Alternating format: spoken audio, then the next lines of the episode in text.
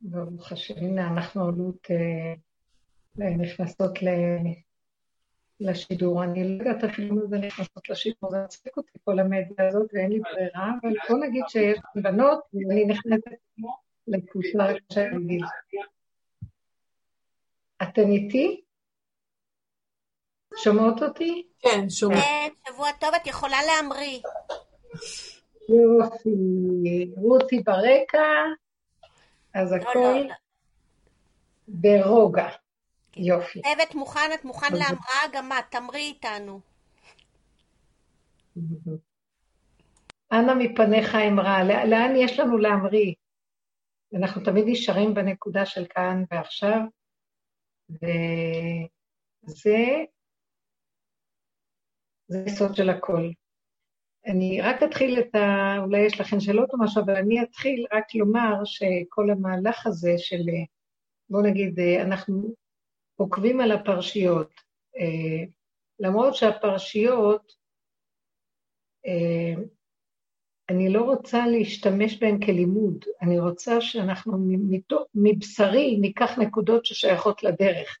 כל המטרה שלנו בהתבוננות אה,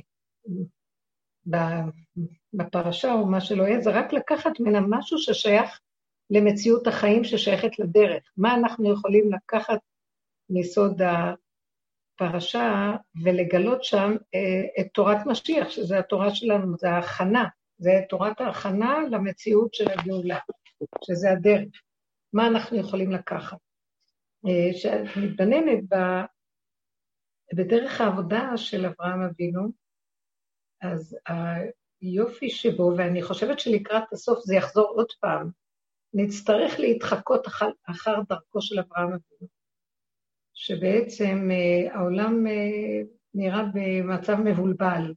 אנחנו בעולם של בלבול, עם כל הידע ועם כל הדעת ועם כל אה, הספריות ועם כל התורה והכול, יש איזה גל חזק של משהו שמכניס את כל העולם לבלבול. הטוב והרע מתבלבלים, לא ברור מה טוב, לא ברור מה רע. אה, זה בכוונה שזה ככה, כי רוצים לפרק את כל התודעה הזאת של טוב ורע. ורוצים להביא אותנו לאור חדש. אז דווקא שדברים הם לא הולכים על פי סדר ועל פי הצורה שאנחנו רגילים, שם אנחנו חוזרים ליסוד הראשוני. אין לנו במה להיאחז. הדמיונות נופלים. גם הדמיונות הרוחניים הם מסוכנים מאוד. אנחנו... אה, אני זוכרת שפעם רב אושר אמר שאנחנו לא נאמין מה בסוף יתגלה. אה, וכשהוא דיבר על זה, הוא דיבר על היהדות. והיה לי איזו מחשבה שהיא לא קלה, שכאילו מה שאנחנו עכשיו עובדים, את השם, ולפי איך שאנחנו הולכים לצורת הגלות, עוד מעט ית- יתגלה איזה גל שיראה לנו שאנחנו בעצם כאילו עובדים עבודה זרה. אחר שלום אנחנו לא עובדים עבודה זרה, אבל אנחנו הולכים בתוך תודעת עץ הדעת, ומשם אנחנו אה, חיים את, את העניין של התורה. זאת אומרת, אפילו שיש לנו חוקים טובים, אבל ההסתבכות שלנו בתוך, תמיד קיימת בתוך התודעה עצמה, ואנחנו מפסידים את העיקרון שבכל רגע יכולים ליפול ביסוד של עבודה זרה. ומהו היסוד הזה? כוחי ועוצם ידי. המציאות של אני, תחושה של קיימות, והיפוכה המאוימות שמא אני לא קיים. כלומר, שתמיד אה, שמישהו מעליב אותי, פוגע בי, או שיש לי פחד או משהו, אז אני מאוים. מה, ממה באות החרדות, המאוימות, הכעסים, הרצון לרצות, אה, קנאה וכן הלאה? מזה שאני לא.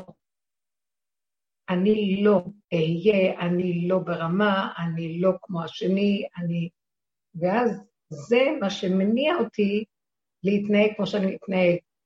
לרצות, לפחד, להתחנחן, להתחנף, או להתגאות, או... ואם אין כוח, אז זה ליפול בייאוש. יש סוג של בני אדם שהם יפלו בייאוש כי אין להם איך להתמודד עם המצב שלהם. אז זה המופנמים יותר.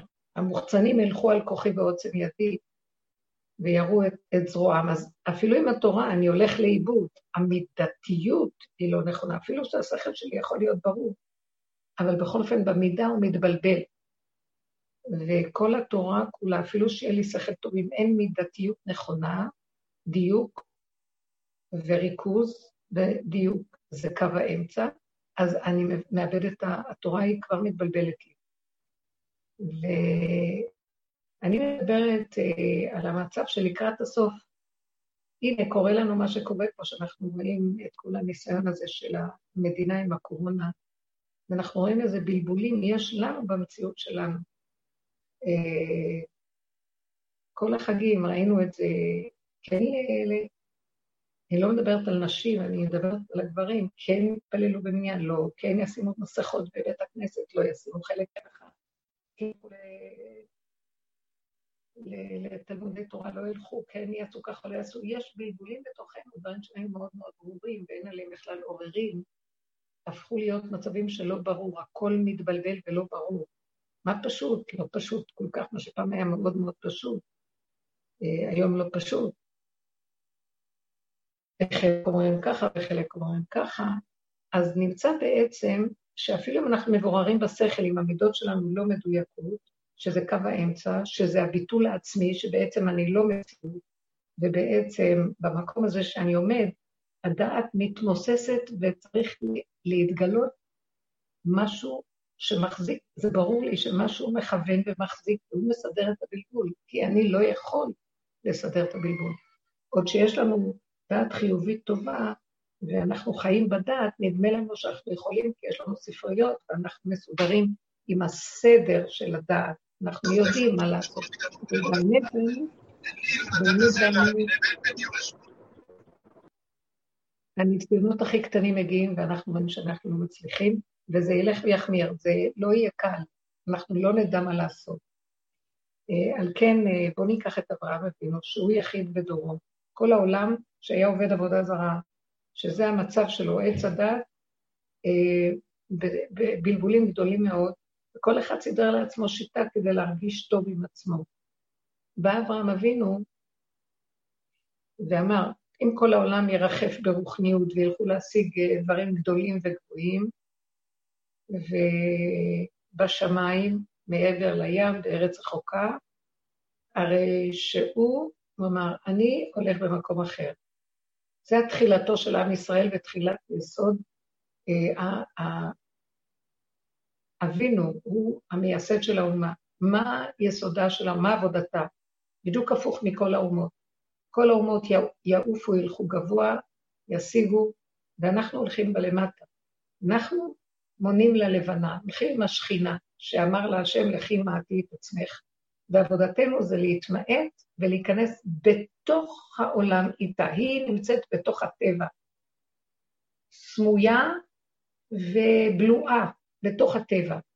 וכל הרעי, חכמי האומות אומרים גבוה, למעלה, כי אין פה כלום, זה רק טבע, אם רוצים אלוקות, וכולם חיפשו אלוקות, כי זה טבע אדם לחפש אלוקות, אז יחפשו את זה בכוחות ובריחוף ובכל מיני רעיונות ודעות והשגות והשקפות. ואברהם אבינו אמר לא. הוא הסיק שבעצם אין לו לאן ללכת ואין לו ממה לברוח, אנא מפניך אברח. הכל נמצא איפה שאני כאן ועכשיו, ולא לצאת מגדר הטבע של כאן ועכשיו. קודם כל הטבע הפרטי שלי, והטבע בכלל סביבי. השם אומר לו, צא מהצטגנינות שלך. הוא היה חכם גדול מאוד וחוקר גדול, ואסטרולוג גדול, וידע בתהלוכת הכוכבים והמזלות, והשם אומר לו, צא מהמקום הזה. אה, אתה הולך בכיוון אחר לגמרי. מה פירוש? זה נכון שיש חוקים בטבע, ושבראתי טבע ויש לו אה, סיבוביות ומעגליות, אבל כשאנחנו אומרים תישאר בטבע, לא הכוונה תישאר בחוקיות של הטבע. תישאר בטבע, וכשמשהו בחוקיות לא עובד, אל תברח ואל תתבלבל. משם תגלה שמי שסידר את החוק, הוא גם זה שיכול להפר אותו, והוא נמצא יחד איתך באותו רגע, ואין לך לאן לברוח. זה השכינה, השם אלוקי ישראל.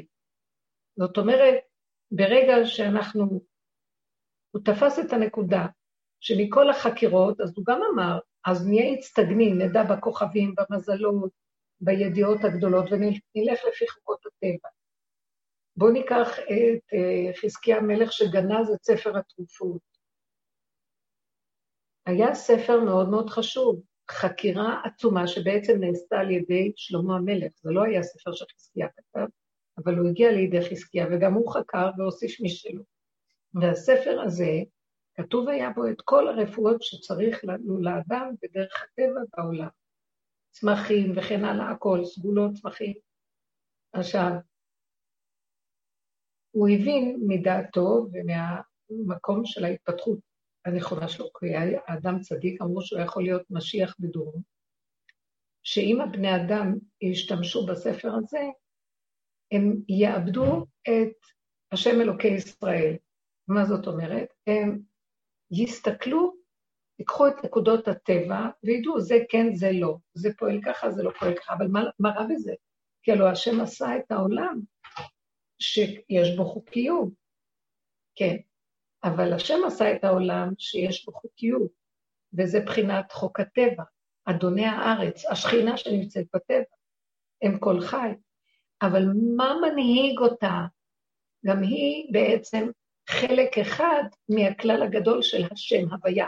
הוויה ואדנות, היא אדוני הארץ, אבל היא גם באה מהשורש של ההוויה. רק לשעתו היא נפרדה על מנת לרדת להחיות את התחתונים, על מנת לחבר אותם עם העליונים, שלא יהיה ניתוק בין השמיים לארץ, בין דרי מעלה לדרי מטה. אבל החיבור הוא על ידי הוויה שנמצאת בתוכה, שהיא גם נמצאת בכל היקום ובכל המציאות. זאת אומרת,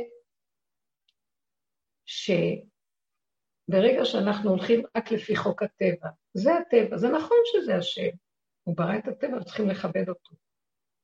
אבל לאט לאט כשאנחנו מאמינים בחוק הטבע, הולכים לפי רפואות, לפי, יגידו, זה טבעונות, זה הכי טוב.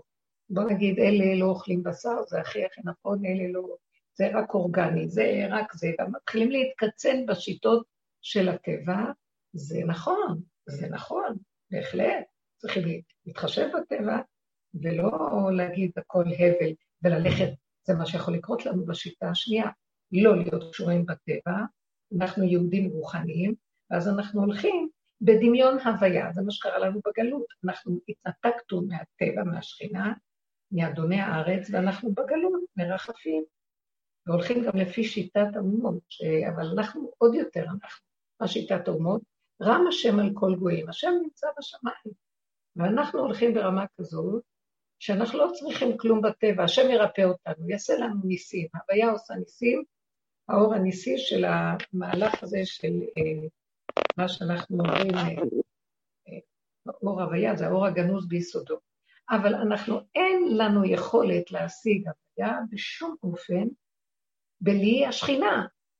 אז זה מה שנקרא גלות, אנחנו חיים בדמיון הוויה. לפעמים היהודי יכול ללכת בכיוון ההפוך. אין לנו, אנחנו לא בטבע. לא צריך ללכת לרופאים, לא צריך ללכת לשום דבר, אנחנו סומכים על השם, על הנס. וזה גם אסור, זה דמיון. אנחנו צריכים להיות בטבע, להתחבר ליסוד הטבע ולדעת שגם הטבע אי אפשר לסמוך עליו, רק בתוך הטבע יש חוק, שזה ההוויה שבתוך הטבע, ואליו אנחנו מצפים. זאת אומרת, אנחנו חיברנו את ההוויה לתוך כלי. הכלי, הוויה חייבת כלי. כוח הטבע חשוב, ירדנו לטבע. זה מה שעשה אברהם אבינו. הוא לא הלך כמו אומות העולם, מרחף בעולמות גבוהים. עם ישראל, שהיינו באומות העולם, בגלויות, גם עכשיו זה נקרא עדיין, אז אנחנו בעצם, רש"י אומר שאנחנו נלך בדרכי האומות, ועבדת שם פרשת כי כתוב, שאנחנו נלך על כל הקללות שיש לה. ואחת הקללות היא שאנחנו נעבוד עץ והאבן מעשה ידי אדם. ועבדת שם. מה, אנחנו עבדנו עבודה זרה בחוץ, חס וחלילה. אז רש"י אומר, זה לא תהיה עבודה זרה, אבל אנחנו הולכים בעצם בתפיסת האומות. שהשם הוא מאוד מאוד גבוה ומנותקים מהיסוד של השכינה. הקטנות, ההתמעטות, הכאן ועכשיו, היסוד של הכבוד לגבול, לגדר, למידה, לטבע הפשוט, אבל עדיין גם בתוך הטבע הפשוט יש שם כוח שצריכים לגלות אותו, שהוא יכול בשנייה אחת לפרק גם את החוק, ומי שנתן את החוק יכול גם להפוך אותו. מי שאמר לשמש שידלוק, יגיד לחומץ וידלוק, אבל לפני כן אנחנו צריכים לכבד את השמן שדולק, ולא לקפוץ לחומץ. אז בגלות אנחנו קופצים לחומץ, השם יעשה לנו נס, השם יעשה... אבל אנחנו צריכים להיות בארצנו כדי להתחבר לשכינה, כדי להוריד הוויה שהיא תעשה לנו נס. אם לא, אנחנו בדמיון נס, בדמיון הוויה. וככה אנחנו עובדים מתוך הדעת הרוחנית הגבוהה את התורה. לא הולכים בדרכי המות, אבל אנחנו הולכים בתפיסה הגבוהה הזאת. ואז כשאנחנו הולכים בתפיסה הגבוהה הזאת, אנחנו כמו עובדים עבודה זרה. כי אין לנו את השכינה, ובלי השכינה, בשביל זה השם שם את עם ישראל. אמר לשכינה, לכי מעטי את עצמך, ושם את עם ישראל עם השכינה. אתם, אתם המעט מכל העמים. לא מרובכם חשק בכם השם. לא מגדלותכם עשיתי אתכם עם קטן. נתתי לכם את היסוד, אתם עונים ללבנה, אתם חייבים ללכת בצמצום של החוקים הפשוטים של הטבע, אבל בתוך זה, זה לא שאתם נהיים איכרים ואנשי אדמה, ויחל נוח איש האדמה. נוח, אחרי המבול, ירד לאדמה, הוא היה על הים, יורדי הים עושה מלאכה במים רבים, גמר את הסיפור הזה, חזר לאדמה. דבר ראשון שהוא עושה, מלא קורבנות, מודה להשם. דבר שני, הוא נוטע כרם. עכשיו, הוא חוזר להיות כמו עיקר, הוא הולך בחוקי הטבע. אבל חוקי הטבע שהוא הלך בהם היו מנותקים מיסוד הוויה. ועל כן, ויחל איש, ויחל נוח איש האדמה. הוא התחלל, הוא נהיה חולין. מה אברהם אבינו עושה? בואו ניקח את הדוגמה של אברהם, שהוא אבי האומה, וזה היסוד של העבודה שלו. מה שחז"ל אה, משווים את נוח לאברהם. אברהם הוא אבי האומה. מה הוא עשה? גם הוא הלך בטבע. השם אמר לו, צא מהצטגנינות שלך, אל תלך בריחופים, אל תלך בגדלות, אל תלך בדעתנות. אתה חכם גדול, מכל החוכמה שהוא התחכם ולמד וחקר, ולא הייתה עבודה זרה שלו, חיזר אחריו ופרק אותה לרסיסים עד שהוא תפס את הנקודה, ואמר, אין בהם שום דבר, מה יש? מה? לרדת למציאות הטבע, ובתוך הטבע, שם אני קשוב לכוח ההוויה שקיים. זאת אומרת, כאשר אני במידות, בישרות, בהתמעטות, בקטנות, בתוך החוקים האלה, ועדיין בתוך החוק, בא לי משהו שסותר אותי, סותר לי את החוק. זה הוויה ששולח לי את הסתירה של החוק על מנת לגלות את עצמו עליי. אז למה שאני אבהל? תעמוד על עומדך. עכשיו, על מנת לגלות הבעיה, אני חייבת, חייב להיות בטבע, להיות בחוק, על מנת לראות שלא פועל חוק. זאת אומרת, אי אפשר להגיד אין חוק. ללכת בחוק, ומתוך זה שהולכים בחוק, אנחנו רואים שהחוק לא עובד כמו שצריך. אז מה נעשה? נלך לריחוף. לא צריך חוקים. לא, בתוך החוק שלא עובד, הלא עובד הזה, יש משהו שעוצר אותו. אם אנחנו לא נבהלים, לא לוקחים כוחנות, נלחמים, משיגים, מדכאים ודווקא מפעילים את החוק. ואם אנחנו לא אה, מתייאשים ואומרים איזה בלבול יש פה, בואו נראה מה שקורה עכשיו עם הקורונה. איזה בלבול, לא יודעים, כן ללכת, לא ללכת, כן לעשות, לא לעשות, מה רוצים מאיתנו, לא נעשה, כן נעשה, לא. אלא עומדים על עומדנו, ואומרים, אין לי רק נשימה, ואני בתוך המצב הזה. מתוך המקום הזה, אם אני לא בורח, לא ימינה ולא שמאלה, אני נמצא בנתון הפשוט ולא מתבלבל מהסערה של הניגוד שמתרגשת עליי, אני נושם ואני אומר, איך שזה ככה, הכל בסדר. אני לא נותן למוח לבלבל אותי, זה כן נכון, לא נכון, תעשה ככה לבדוק, תלך ימינה, תלך שמאלה, מה קורה פה, איזה בלבולים, מה קורה לעולם? אני לא הולך על ההשקפה הזאת, זה רוחנית, זה השקפה, זה גבוה, לא. שם את המוח שלי בכאן ועכשיו, בקטנה, איך שזה ככה, אפילו מסיח את הדעת, לא הולך, אז לא הולך, נעשה איפה שהולך.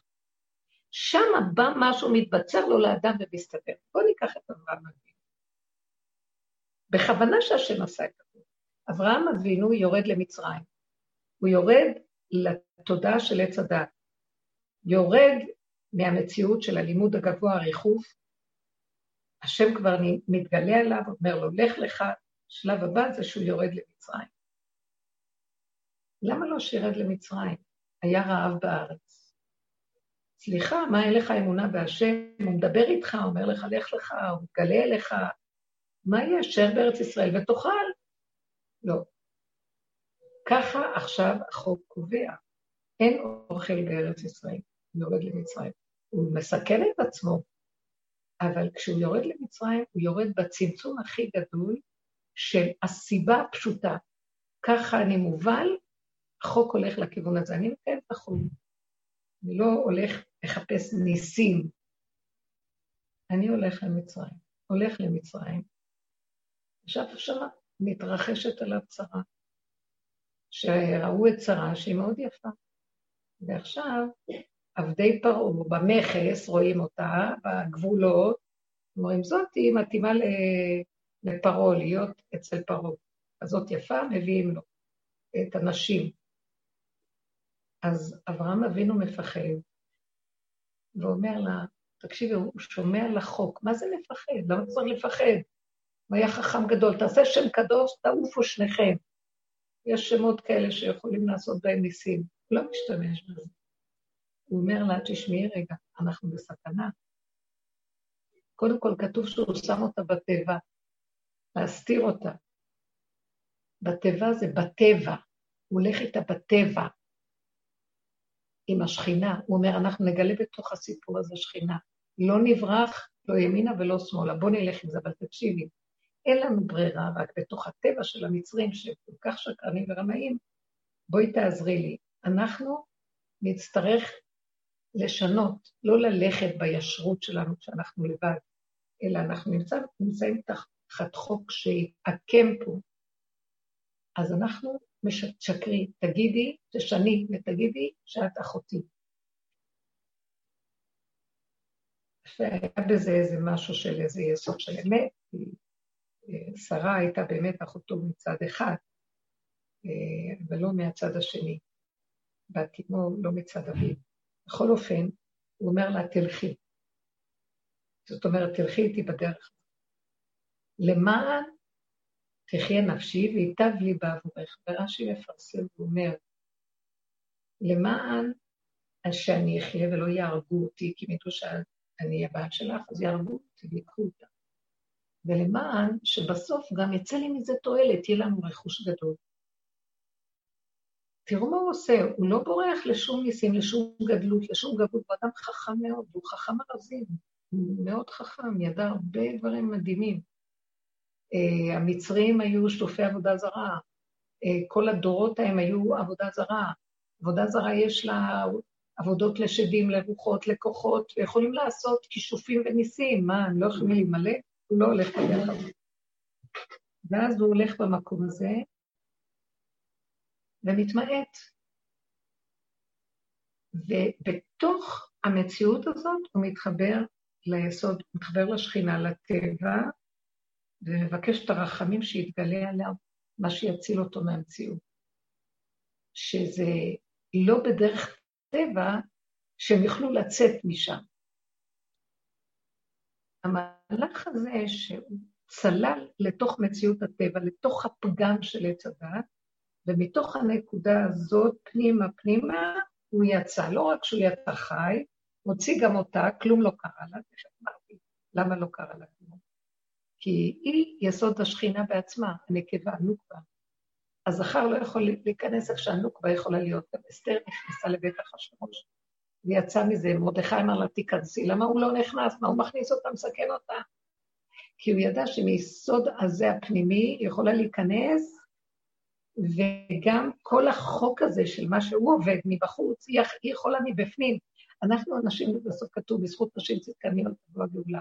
להיכנס לתוך יסוד הפגם, זו עבודה של של הנוקבה בעצם, להיכנס לתוך המקום של השכינה, שנמצאת אפילו שבויה וכבולה בתוך המצרים, ומשם לקום ולצאת, ואין, לא ניזוקים, לא יקרה כלום. אה, לכן אישה גם פטורה מחוקות התורה למצוות זה שהזמן גרמה, כי היא יכולה להיכנס למקום כזה שהזכר לא יכול להיכנס. מתוך המקום הזה, אם היא צמודה לנקודת הפגם הפנימי, מחוברת להשם יתברך בדיבור, מבקשת את הרחמים, ויודעת שיש לה רק כאן ועכשיו, בלי את כל המוח היא נותנת, את החרדה, את הפחד, את הכאבים, את הכעס, את הזעם, את השנאה, את... הכל צריך להיות מחובר אליו. כשהיא מחברת את הכל אליו, היא עולה. היא מעלה את השכינה שנמצאת שם, בתוך המצרים, גם שחבוי בחושך, ויחד איתה היא יוצאת. היא יוצאת, אברהם יוצא, ולא רק זה, גם ברכוש גדול. השכינה משלמת להם שכר. היא נותנת, יש לה את כל המפתחות של האוצרות בידה, היא נותנת להם רכוש גדול. אחר כך כתוב שאברהם היה כבד ברכוש, במקנה, בצאן, מהשירות שהוא קיבל ממצרים. הכוח הזה של השכינה, אני גם ראיתי בנות שעובדות בדרך והולכות במשך כל השנים, ראיתי דבר מופלא וכולן יכולות להעיד בזה. נשים קיבלו הרבה ישועות, הן יודעות את זה, עם כל האיסורים והכאבים, השם בנה לנו בתים, סידר לבנות דירות, שיפצו להם, סידרו להם, דברים מאוד יפים קרו במשך כל העבודה הזאת, עם כל הכאבים הזה. כי כשאנחנו מעלים את הפגם ולא בורחים ועובדים עם זה, השכינה עולה איתנו ומשלמת שכר טוב להולכים בתמים, יחד עם הכיוון. אז בואו נחזור, זה דרך עם ישראל. דרך עם ישראל היא לא לברוח, היא לא לרחף, היא לא לבקש הצלחות וגדלות. הלכנו לאיבוד באומות העולם, אנחנו מחפשים רחבות, גדלות.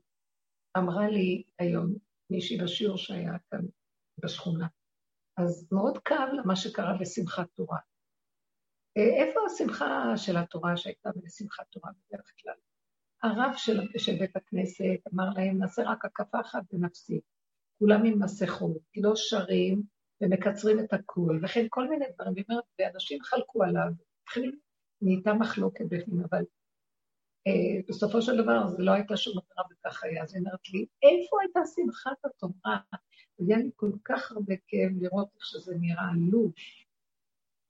ואז דיברנו על זה, ואמרתי לה, השם בכוונה מביא את כל הסיפור הזה, ושתדעו. ואנחנו בעצם בדמיון של שמחת תורה. נכון שגם זה משמח אותנו. שמח אותנו לרקוד עם התורה איך שהיא, ובגלות אנחנו שמחים מהמצוות, מהחגים, מהשבתות, מאיך שזה בגלות. אבל יש אור הרבה יותר גדול שהקדוש ברוך הוא רוצה לתת לנו לצאת מדמיון הוויה ולגלות עלינו את ההוויה. בין הדמיון הוויה לבין הוויה הוא רוצה לפרק את הכול, את כל הדמיון הוויה, ורוצה להשאיר אותם במקום שתישארו עם הטבע, פשוט תרדו לטבע.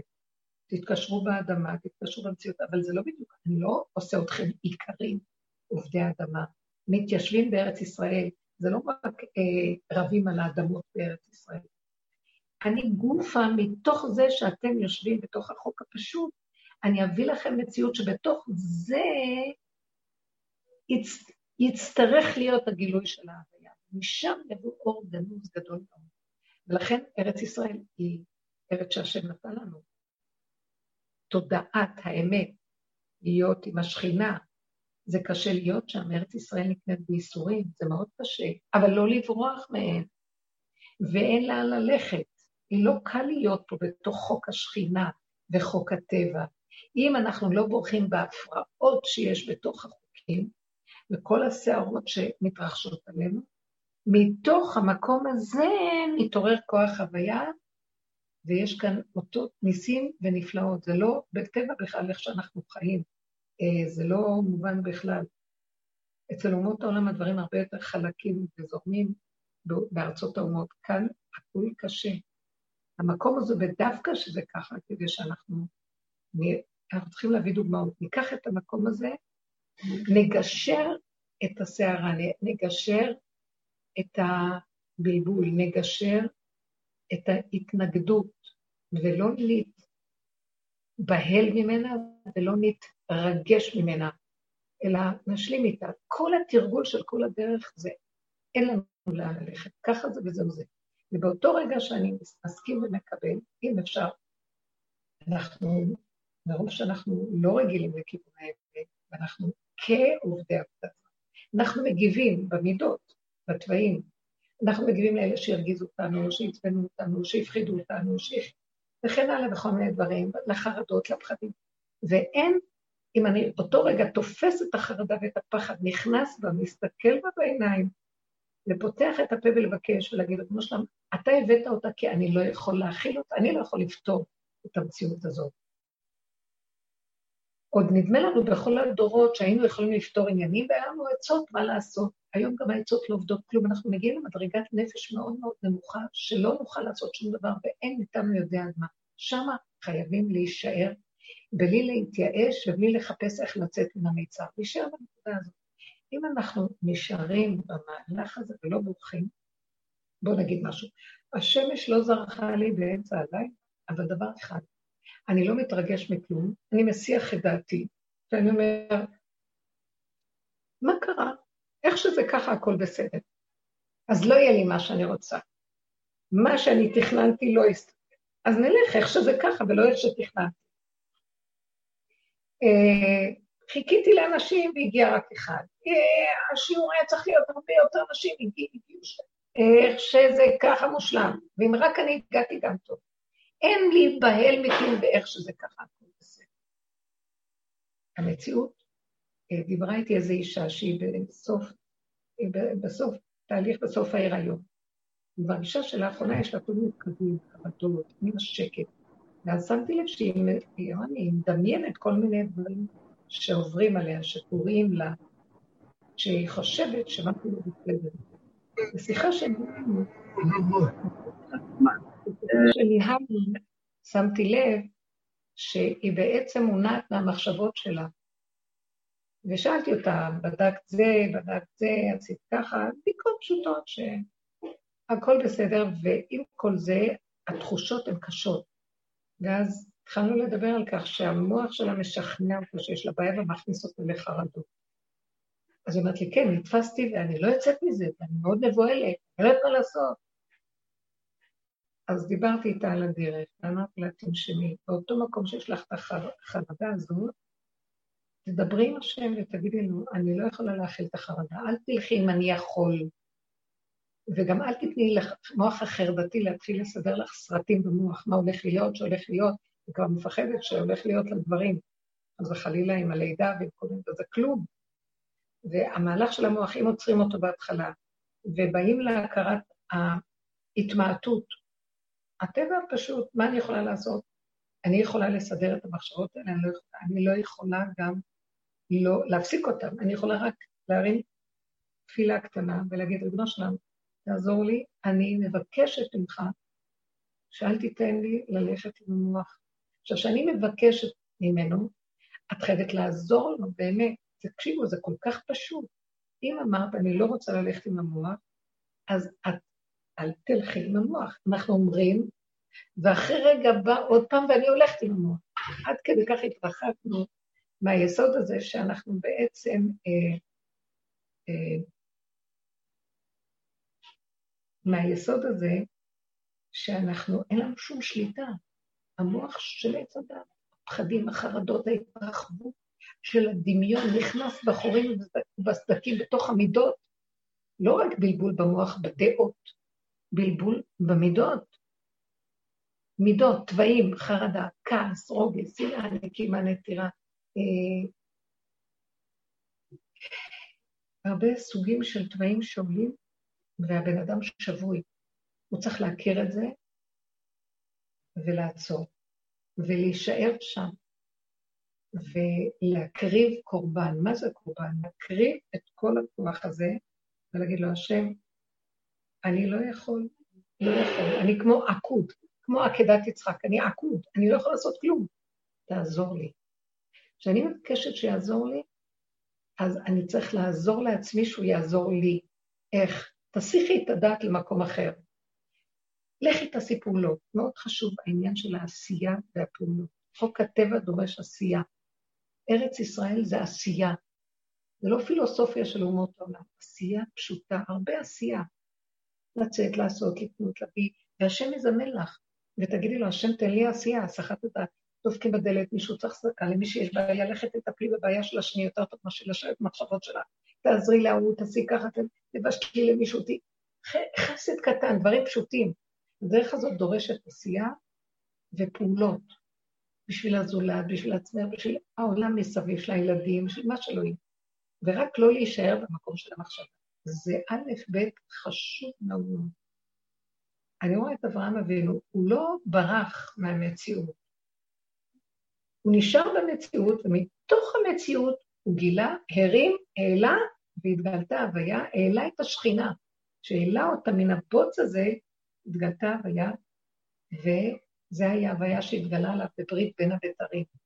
התגלה עליו אור גנוז, אור של הבטחה גדולה מאוד, אור הברית, ברית בין הבתרים. מה זה האור שהתגלה עליו?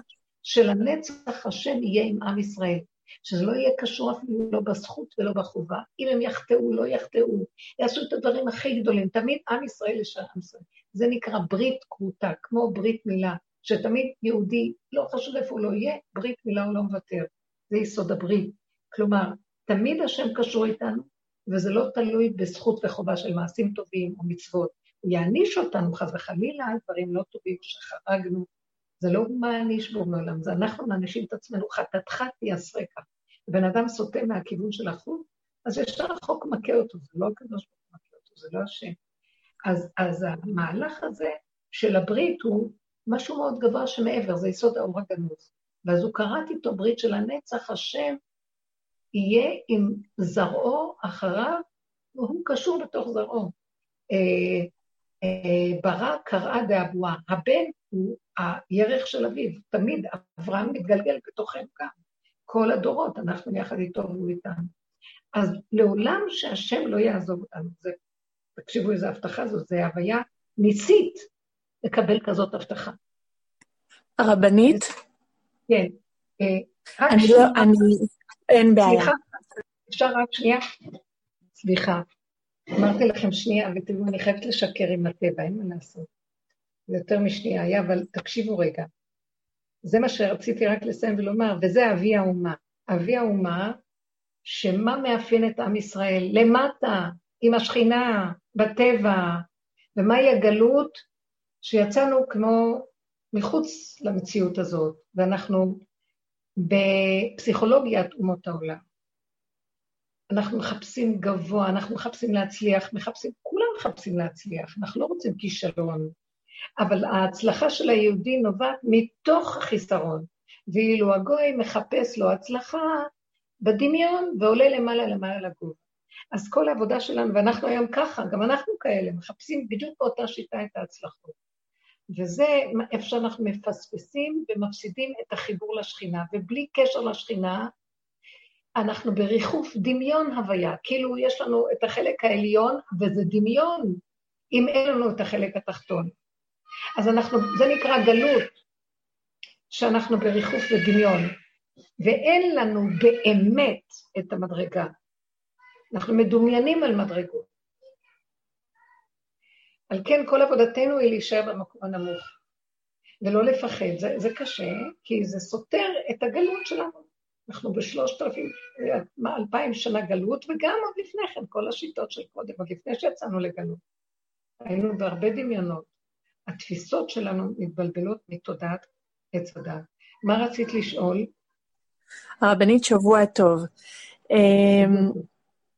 אני לא כל כך הבנתי את המהלך, כי מצד אחד הרבנית אומרת, אה, אם מופיעה תחושה, לא משנה, של חרדה, של כעס, משהו במחשבות, משהו ברגש, לנסות uh, להסיק, להסיח את דעתך מזה. ומצד שני, כן להיות שם, לא לפ... כאילו, לא, ל... טוב, לא להתנגד לזה. זה נכון, אני שמחה לשאלה, בוא נדייק.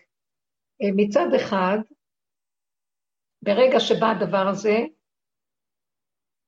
אה, זה רגע אחד, את צריכה מאוד להיזהר, זה רגע, זה דיוק של רגע. אם את משתהה, המצע זה מחמיץ, הבצק מחמיץ ונהיה חמץ. מה היסוד של חמץ? התרחבות, תופח. המחשבות תופחות, הסערה, בלבולים, התרגשויות, והלכנו לאיבוד. אז אנחנו רואים, באותו רגע שאת מקבלת שיש ניסיון, את לא יכולה להישאר שם הרבה זמן, זה סכנה. אז את צריכה לעצור ולהסיח את הדעת. זה תרגיל, הסחת הדעת. לכי תעשי משהו, אל תתני למוח לטחון אותך, כי הוא יגנוב אותך על המקום, זה לא סותר מה שאמרתי. זה פשוט הרגע הזה והרגע אחריו. אל תלכי, אל תברחי מהמקום של איפה שאת, מה הכוונה? שימו לב. אל תלכי אה, למקום של אה, מחשבות גבוהות, אה, או בוא נגיד ככה, תילחמי עם אותו כוח של פחד. תדחי אותו, תתגברי עליו. זה מצד אחד. או אל תלכי למקום של ייאוש ותגידי, יואו, מה הולך עכשיו, מה הולך עליי, ולאט לאט הוא ימשוך אותך לתוך הנפילה הזאת, גם כשאת נלחמת וגם כשאת נופלת, חלילה, את נותנת לזה התרחבות, אם זה מימין, אם זה משמאל, נופלים בייאוש חלילה, או שמתגברים, אנחנו נותנים כוח לאותו דבר, אנחנו לא מחברים אותו מיד ליסוד שלו. אם אני יכול לחבר אותו מיד, אשרי חלקי, זו התאמנות של הרבה הרבה זמן. אבל אם לא, בוא נגיד ככה, תסיכי את דעתך ממנו לגמרי. את לא ברחת מהדבר, לא ימינה ולא שמאלה. החלפת את הערך שלו במשהו אחר לבנתיים. הלכת לשטוף כלים, נכנסת לחדר אחר. לא ברחת מזה. זאת אומרת, זה טיפשי להישאר שם ולהתרחב. אז זה נקרא בריחה. את בורחת מהנקודה של הרגע, או להתגבר ולריב, או ליפול למטה בייאוש וחידלון, ובזה את נותנת כוח לאותו דבר שיכול להתגבר עלייך. כי אם לא התגברת עליו, אז הוא יתגבר עלייך. ואם נפלת בייאוש, גם הוא יתגבר עלייך בייאוש. ובוא נגיד, אפילו אם התגברת עליו לרגע, אחרי רגע הוא יחזור שוב פעם. נמצא שהמקום הוא להישאר בתוך הדבר עצמו. אם אנחנו יכולים, בתכלית, זה היה דרגתו של אברהם, להיכנס בתוך הניסיון ולהגיד ככה, אני לא עומד בכלום, אני מוסר לך את הדבר, ריבונו שלם, תעזור לי, כי אני לא. אני לא רוצה גם ללכת בזה, ואנחנו לא מגיעים לזה מיד. זה הרבה מאבק שבמילא בטבע שלנו יש לנו התרגלות להתנגד ולהגיב, אנחנו מאמינים לעולם, אנחנו מאוד מוחצנים, אנחנו עושים פעולות של החצנה, או רבים או מופנמים, הבעלי ישות וכוח, הם רבים ויוצאים החוצה להתנגד, והמופ... והמופנמים נכנסים פנימה בדיכאון. אז אנחנו לא הולכים לא ככה ולא ככה, אלא נכנסת לתוך הנקודה ואומרת לו, אני לא הולכת לא ימין ולא שמאל, כי ניסינו את זה בחיים, וזה לא הועיל לנו, כי אנחנו מתרחבים ומפרנסים את הנקודה. על כן אני עומדת על המקום ומוסרת את זה אליו, אמרת לו, אני לא יכולה, תעזור לי. תתגלה עליי ותושיע אותי, אני מוסר לך את המציאות שלי. אחרי רגע אני הולך לעשות משהו אחר. אני חייב להסיח את דעתי כדי לתת לו אפשרות להתגלות. כי אם אני עוד יושב ומחכה שהוא יתגלה, זה לא טוב. כי עוד פעם אני אגנב. תסיחי את הדעת, תפני שטח, על מנת שהוא יכול להיכנס. מה אכפת לך? מה תהיה התוצאה? את את שלך עשית. קישרת את זה, הוצאת את זה לשורש, ביקשת רחמים, והסחת את הדעת למשהו אחר. זה לא נקרא לברוח. מסרת את זה לקו האמצע. את מבינה מה אני מדברת? כן, ממש, ממש תודה. עכשיו ממש הבנתי את המהלך. כן, כי זה התהליכים שעבדנו עליהם הרבה, אז לפעמים כשאני מדברת, אני לא נעצרת על התהליכים. אבל שוב פעם, כשבא לנו ניסיון, אמרתי לאותה אחת, שהיא בהיריון, שאמרתי לכם, שדיברה איתי, ואז אמרתי לה, תקשיבי, אל תתני למחשבות ללכת עם מה שאת חושבת, או עם מה שיקרה לי במחשבות כפייתיות ניהולה, כי היא נותנת לזה. מה יקרה בחודש התשיעי, ועכשיו מה יהיה עם הלידה, ואולי יקרה ככה ויקרה ככה. ואז היא מתחילה להיכנס לחרדות, כי היא מתחילה סרטים במוח שדברים שליליים יקרו. אז זה מצד אחד. היא נכנסת למחשבות ומתרחבת איתן. אה, והשלב הבא, היא בייאוש, והיא נכנסת למקום של דיכאון, והיא ישנה המון, והיא בורחת לייאוש. וכאילו מה שקרה הוא שאני זיהיתי עליה שהיא עושה את עצמה חולה. מין היפוכונדריה כזאת, מין תחושה של אין לי אוויר, אין לי כוח, אני לא יכולה לזוז, אני לא רוצה לאכול. אז ראיתי, תקשיבי, אמרתי לה, ברגע שמגיע לך מחשבה, את פשוט תשתהית על החמץ הזה. מיד תגידי, אין כלום, הכל דמיון, אין שום דבר, יש לי רק כאן ועכשיו נשימה, אני לא יודעת שום דבר. ריבונו שלם, אני בשר שהולך. זה הפשטות עכשיו של הקיום שלי, נתון פשוט קיומי. אל תתני למחשבות פרנסה, כלום. ולכי לעשות דברים. תעשי פה זה, תעשי זה, תלכי החוצה, תטיילי ברחוב, תראי אנשים, אה, תלכי לעשות איזה חסד עם מישהי, רק לא להישאר במחשבות שלך. אבל תדברי באותו רגע, ריבונו של עולם, אני לא רוצה להיות יכולה להכיל את המחשבות האלה. לא רוצה להיכנס בהן, לא רוצה לפרנס אותן, אין לי שכל לטפל בהן. גם אם היה לי, אני לא רוצה לטפל בהן, כי כל הזכלים נופלים, והפסיכולוגים הכי חכמים לא יטפלים, יטפלו היום בנפש. שולחים לפסיכיאטר לתת כדורים שיסתום לנו את כל המחשבות, ולא נוכל, אין טיפול לכלום. השם מראה לנו שאנחנו בחידלון גמור, ואנחנו לא יכולים. אז אם אני לא יכול, רק אתה יכול. אז אם אני לא, אז צינה תמונה. אני אומר לו, אני לא יכול, ואני אחרי רגע נותן לזה עוד פעם. מאוד נכון, כי נמכרנו, אני ואני, להשמיד, להרוג, לאבד, מהיצר הזה, של הדמיון הזה של עץ הדת, השטן הזה שיושב לנו במוח. ואם האדם יפתח את הפה, אל תשאירו את זה במוח. קודם כל, דבר ראשון, לפתוח את הפה ולצעוק, לדבר. אז היא אמרה לי, אני מפחדת לדבר, שאם אני אדבר, אז זה יתקיים. אמרתי לה, זה מתקיים גם בלי שאת תדברי, תראי איך את נראית. אז תוציאי את זה בפה, תוציאי את הלכלוך. הפה זה כמו השער שמוציאים את הזבל החוצה. תוציאי את הזבל. יש לך זבל במוח, תשחררי אותו. תדברי לעצמך, תגידי, תראי איזה מחשבות, תראי איזה משוגע אתה, תראי מה שקורה כאן. אין כלום, אף אחד לא... אבא, תרחם עליי, תעזור לי, תקשרי את הכל לגבוליים. אנחנו צריכים לדבר, לדבר, לדבר. האמנתי כי אדבר. הדיבור מאוד מאוד חשוב, עד שמגיעים לשתיקה. יש כזה מקום שכבר זה שתיקה, זה מדהים השתיקה. השתיקה היא מדהימה. יש מקום, אני אגיד לכם איזה חוויה שלפעמים אני מרגישה שהוא פשוט נותן לי אחרי כל כך הרבה עבודה, וכולנו במקום הזה, זה... אין לי כוח כבר להילחם עם המוח. אני גם לא רוצה להיכנס בו בשום צורה. גם לדבר עם השם כבר אין לי כוח. בדיבור, גם כן, והתפילות. אני פשוט שמה לב שאני נותנת, אני גרה בחיצוניות. אני נמצאת, התודעה שלי מוחצנת, אני צריך להפנים אותה, תודעת הקיום העצמי. אם יש איזה מישהו פה שיש לו ידיעה שהוא קיים, זה לא אני, קוראים לזה אני. לקחת את אותו כוח להכניס אותו פנימה, פנימה. כאילו, אני מדברת עם בן אדם ואני לא מדברת איתו מהמוח ומהפה שרואה אותו ומגיב לו, זה מה שאני רואה, אני מגיבה לאותו אחד שאני רואה. אני כאילו נמצאת כמה מדורים בפנים ומשם אני מדברת לשני. אז איך יראה אדם כזה שמדבר? הוא מדבר כאילו, הוא קר, הוא לא מדבר בחום, הוא לא מדבר ביותר מדי אה, התרגשות. אז הוא מגיב לשני, אבל לא, הוא שמור לתוך הנקודה של עצמו.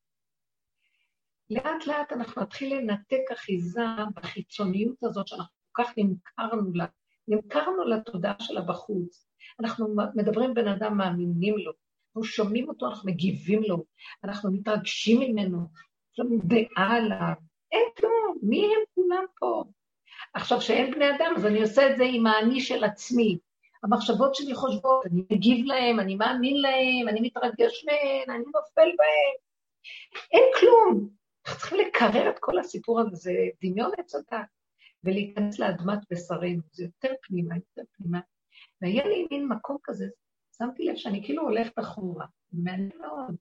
הייתה לי חוויה מאוד עמוקה, שכאילו השם הביא לי איזו בהירות, שאת התמונה של בית המקדש היו נכנסים דרך השער המזרחי.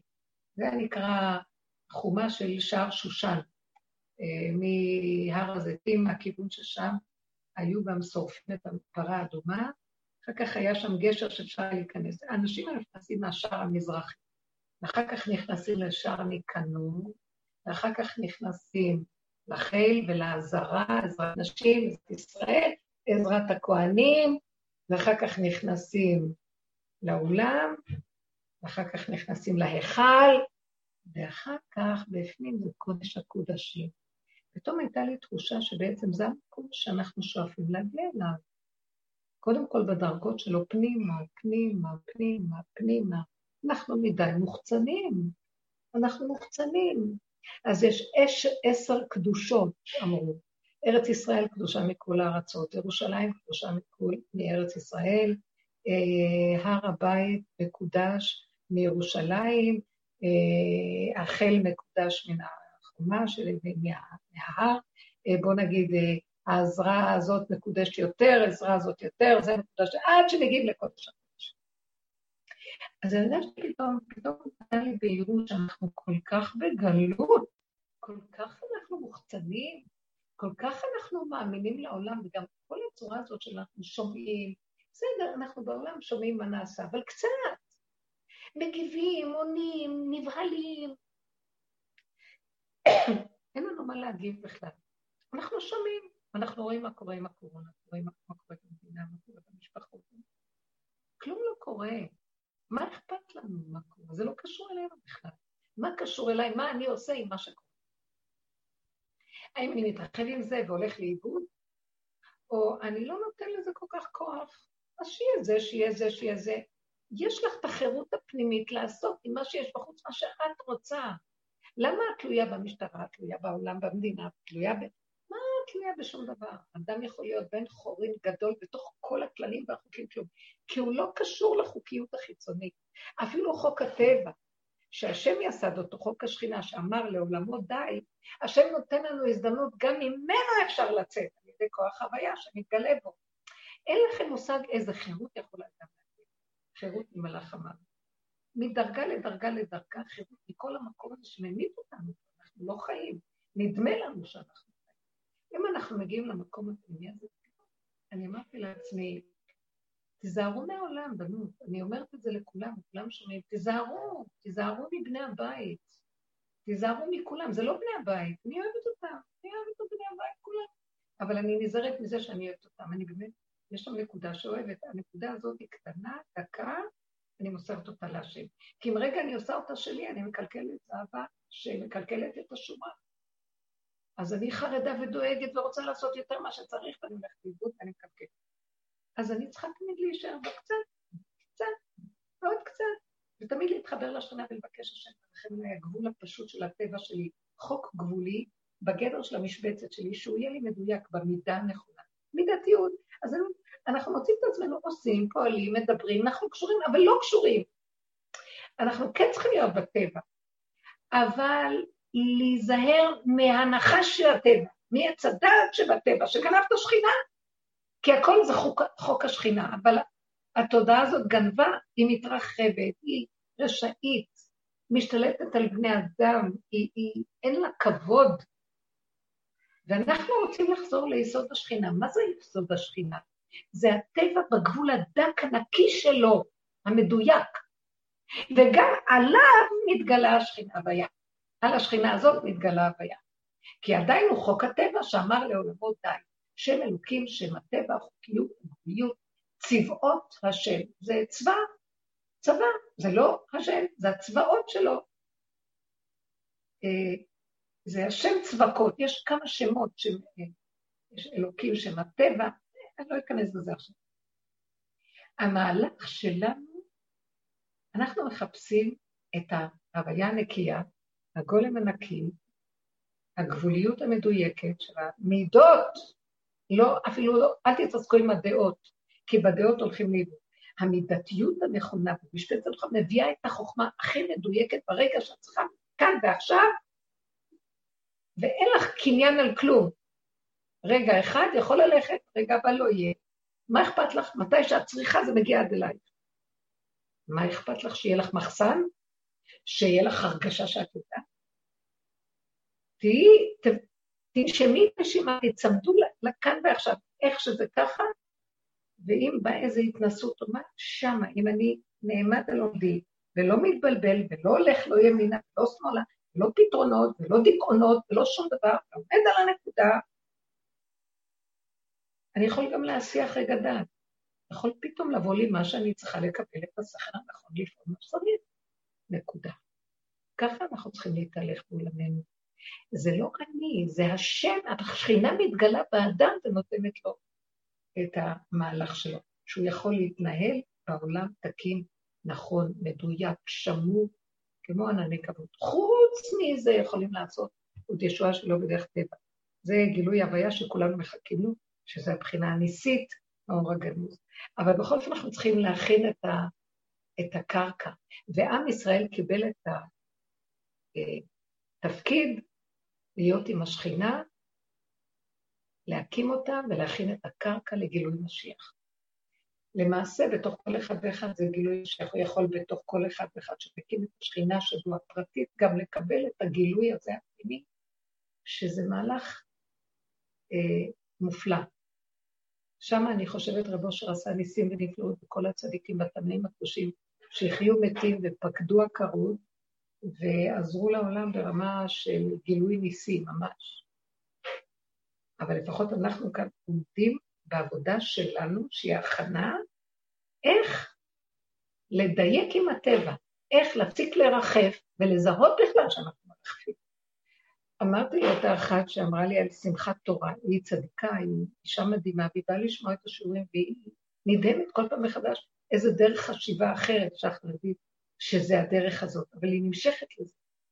אבל היא אומרת לי, אבל היה לי צער לראות איך שזה ככה. אמרתי לה, מה אכפת לה? מה את כל כך נשברת? כי זה מה שמשמח אותה, שככה תהיה שמחת תורה, והיא לא שמחה בכלום, והיא הצטערה מה שקורה לעם ישראל. אמרתי לה, תישארי על עומדך, תוותרי על הצער, תגידי ככה זה, ותדעי שכל זה שקורה עכשיו, זה של השם, לא שלנו, הוא הולך להביא משהו כנראה אחר שלתועלת הרבה יותר גדולה ממה שאנחנו חושבים. כי אנחנו גם בגלות שמחים מה שיש לנו, אבל יש, זה בדיעבד למעשה. יכולנו להיות באורות ובשמחה יפה, לא שמחפשת אורות, אבל אמיתית. גם זה יש באמת. יש בשמחת תורה תורה, שמחה ושכינה, אבל זה כמו שכינה עליונה, מרחפת. יש שכינה למטה, כמו לאה ורחל. בספר עץ חיים הוא מביא את זה, שזה, בגלות אנחנו משתמשים, יש לנו כוח של שכינה איתנו, אבל זה כמו לאה, רוחני, גבוה, תמיד בצער, ואילו רחל זה משהו אחר, זה עכשוויות, זה כאן ועכשיו ואיך שזה ככה, ועוז וחדווה במקומו, ואתה, כמו שכתוב, ויאכלו, בפרשת ישתרו להם, ויאכלו וישתו ויחזו את האלוקים, נערי בני ישראל. כל תלמידי חכמים היושבים, אוכלים ושותים ורואים את הנפלאות של השם. בתוך הטבע הפשוט מתגלה אביה. דבר גדול. אז זה מהלך אחר, לכן רחל הייתה עיקר הבית והיא העיקר של יעקב. ולאה לא הייתה בחשבון בכלל, הוא התכוון להתחתן עם רחל. אבל בגלות זה ככה קרה, ולהשם תמיד יש לו משהו, שהכל יתוקן ונחזור בסוף לתכלית. כי גם זה, גם כל הגלות וגם כל המהלך הזה הוא גם כן במחשבה שנהיה באומות העולם, ומתוך הפגם של היציאה מהנקודה הפנימית, נביא איתנו רכוש גדול ונעלה ממצרים רכוש גדול. כמו שאברהם עלה עם רכוש, כמו שעם ישראל יצאו ממצרים, ו... ועלו חמושים, וחמושים עלו בני ישראל למצרים, יצאו עם הרבה עושר וניצלו את המצרים. ש...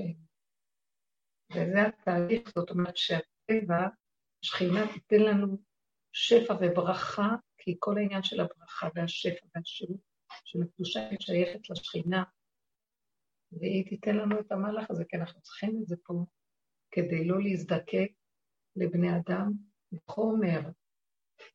וזה השירות שהיא טובה, היא בנויה, היא לא השירות של חמדנות וחסר. זה השירות של איזה השיר השמח בחלקו, חוץ מזה שיש לו גם השירות, שהוא לא תלוי בכלום. למה צריך את השירות? כי היא בעולם אם אנחנו מקבלים אותה, עובדים איתה, מקבלים את השירות הזאת ברמה הנכונה, היא עוזרת לנו להישאר עצמאים שלא נתחנק ולא נאבד את החירות הפנימית שלנו בשביל להתלקק על העולם ולהזדקק לזולת. וזה טוב השירות הזה.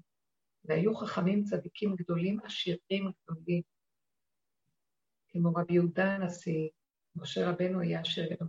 וזה כדי שלא יצטרכו, אה, מה שנקרא, כל המצטרך לבריות פניו משתנים כחרום. הוא כל הזמן משתנה לפי אה, החנופה שלו, כי הוא צריך את הבריות כעת מסכן, הוא צריך להשיג מאחרים ולהתחנף אליהם. וזה מאבד לנו את נקודת החירות של העבודה הפנימית, ולא להתבלבל משום דבר. רציתם לשאול משהו? אפרת, רצית לשאול שאלה אם את שם ברקע? היא אמרה לי שהיא רוצה לשאול שאלה. היי, כן, אבל ענית עליה תוך כדי שדיברת על שרה, שבאמת מתוך, מתוך העלון לשבת, שכתבת שבזאת נבחקך כיצד עבד אברהם אבינו בדרכו, שמתוך תככים ומזימות השקר בטבע, הוא הבין ששם תתגלה השכינה, בדיוק מה ש... שכתבת, שלא ידעתי איך אה, דווקא באמת בתוך, בתוך השקר, אה, דווקא שם השרה קיבלה, אה, הוא לא נגע בפרעה והיה ניסים שם, מתוך המקום הקשה הזה, אז אמרת שאם אנחנו נכנסים פנימה ומתפללים ומבקשים רחמים... אוקיי, בואו נחזור לזה עוד פעם. כן, כן, כן. קחו את הנקודה, רגע של התנסות, חרדה. אם היינו יכולים להתאמן, כשאנחנו מכירים שעכשיו עוברת עליי איזה חרדה, פחד, אה, אה, בוא נגיד עוגמת נפש, אה, אה, מין ייאוש קטן כזה, אוף. אני שמה לב בדברים לפעמים שלא הולך לי כמו שהייתי רוצה, פתאום יש לי מין ייאוש קטן כזה של מה לי החיים פה, שימו לב איך הוא בא. אם באותו רגע אני לא מתרחבת עם זה, וזו ההתאמנות שלנו לדייק, ואני אומרת, אין כלום, זה דמיון. אבא, תעזור לי לא להתרחב, לא לתת לו כוח. אני נכנס לשקר, הלוא אני את מסתכל, אני אומר, אני לא רוצה להיות שם, אני מודה בזה, אני לא בורח. איך יכולתי לברוח? בואו נגיד לכם שתי אפשרויות, שבא לי כזה מצב רוח כזה, אז אני יכולה להגיד, אה, אה, החיים לא שווים, זה קשה מאוד. משהו, אפילו אם אני לא אגיד את זה, ברגע אחד האווירה נהיית עכורה בתוכי. זה דבר אחד. או שאני אגיד לעצמי, מי הם הבני אדם האלה? מה אני אכפת להם? הם לא בסדר. מה, הוא יותר טוב? ואני אלך להצדיק מה זה שעכשיו עשה לי מחשבה על הבן אדם שעשתה לי מין נפילות הרוח. גם זה לא טוב. לא רוצה לחשוב על אף אחד.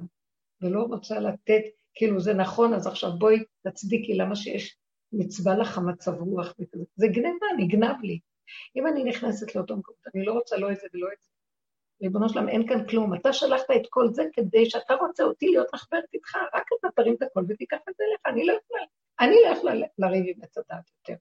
עוד ניסינו הרבה עבודות, עשינו רק מתווכחנו, עשינו עבודות, התגברנו, נלחמנו. אני לא יכולה, לא. יש לו מיליון ראשים. ותשש כוחי, אני שלום וכי אדבר אם על המלחמה. אוי לי כי גרתי משך, שכנתי מולה קדר, הבת שכנה לנפשי עם שונא שלום. אני שלום וכי אדבר הם על המלחמה, אני בא להילחם איתו, הוא קם עליי. אני לא יכול, אני נותן לו כוח. כשאני באה להתנגד לו, הוא חי מכוח ההתנגדות. אל תתנגדו, תכנו. אבל הכנעה לא צריכה להיות לשני, לדמות. או הכנעה למצב של נו, איך שזה ככה, נו מה. הכנעה לתת את הנקודה לשכינה. אבא זה אליך. אתה, אתה מלך הטבע, אתה אדוני הארץ, אתה חוק העולם. אני לא יכול להכיל את זה, אני לא יכול. בואו נכיר את הלא. בתודעת דמיון הוויית, דמיון הוויה, אנחנו כל הזמן, תתגבר, אתה יכול, תהיה חיובי, תעלה למעלה, תשאף, אה, תבני, אתה צריך, תעשי. יאללה, עשינו את זה בלי סוף, ולא, זה לא ילך.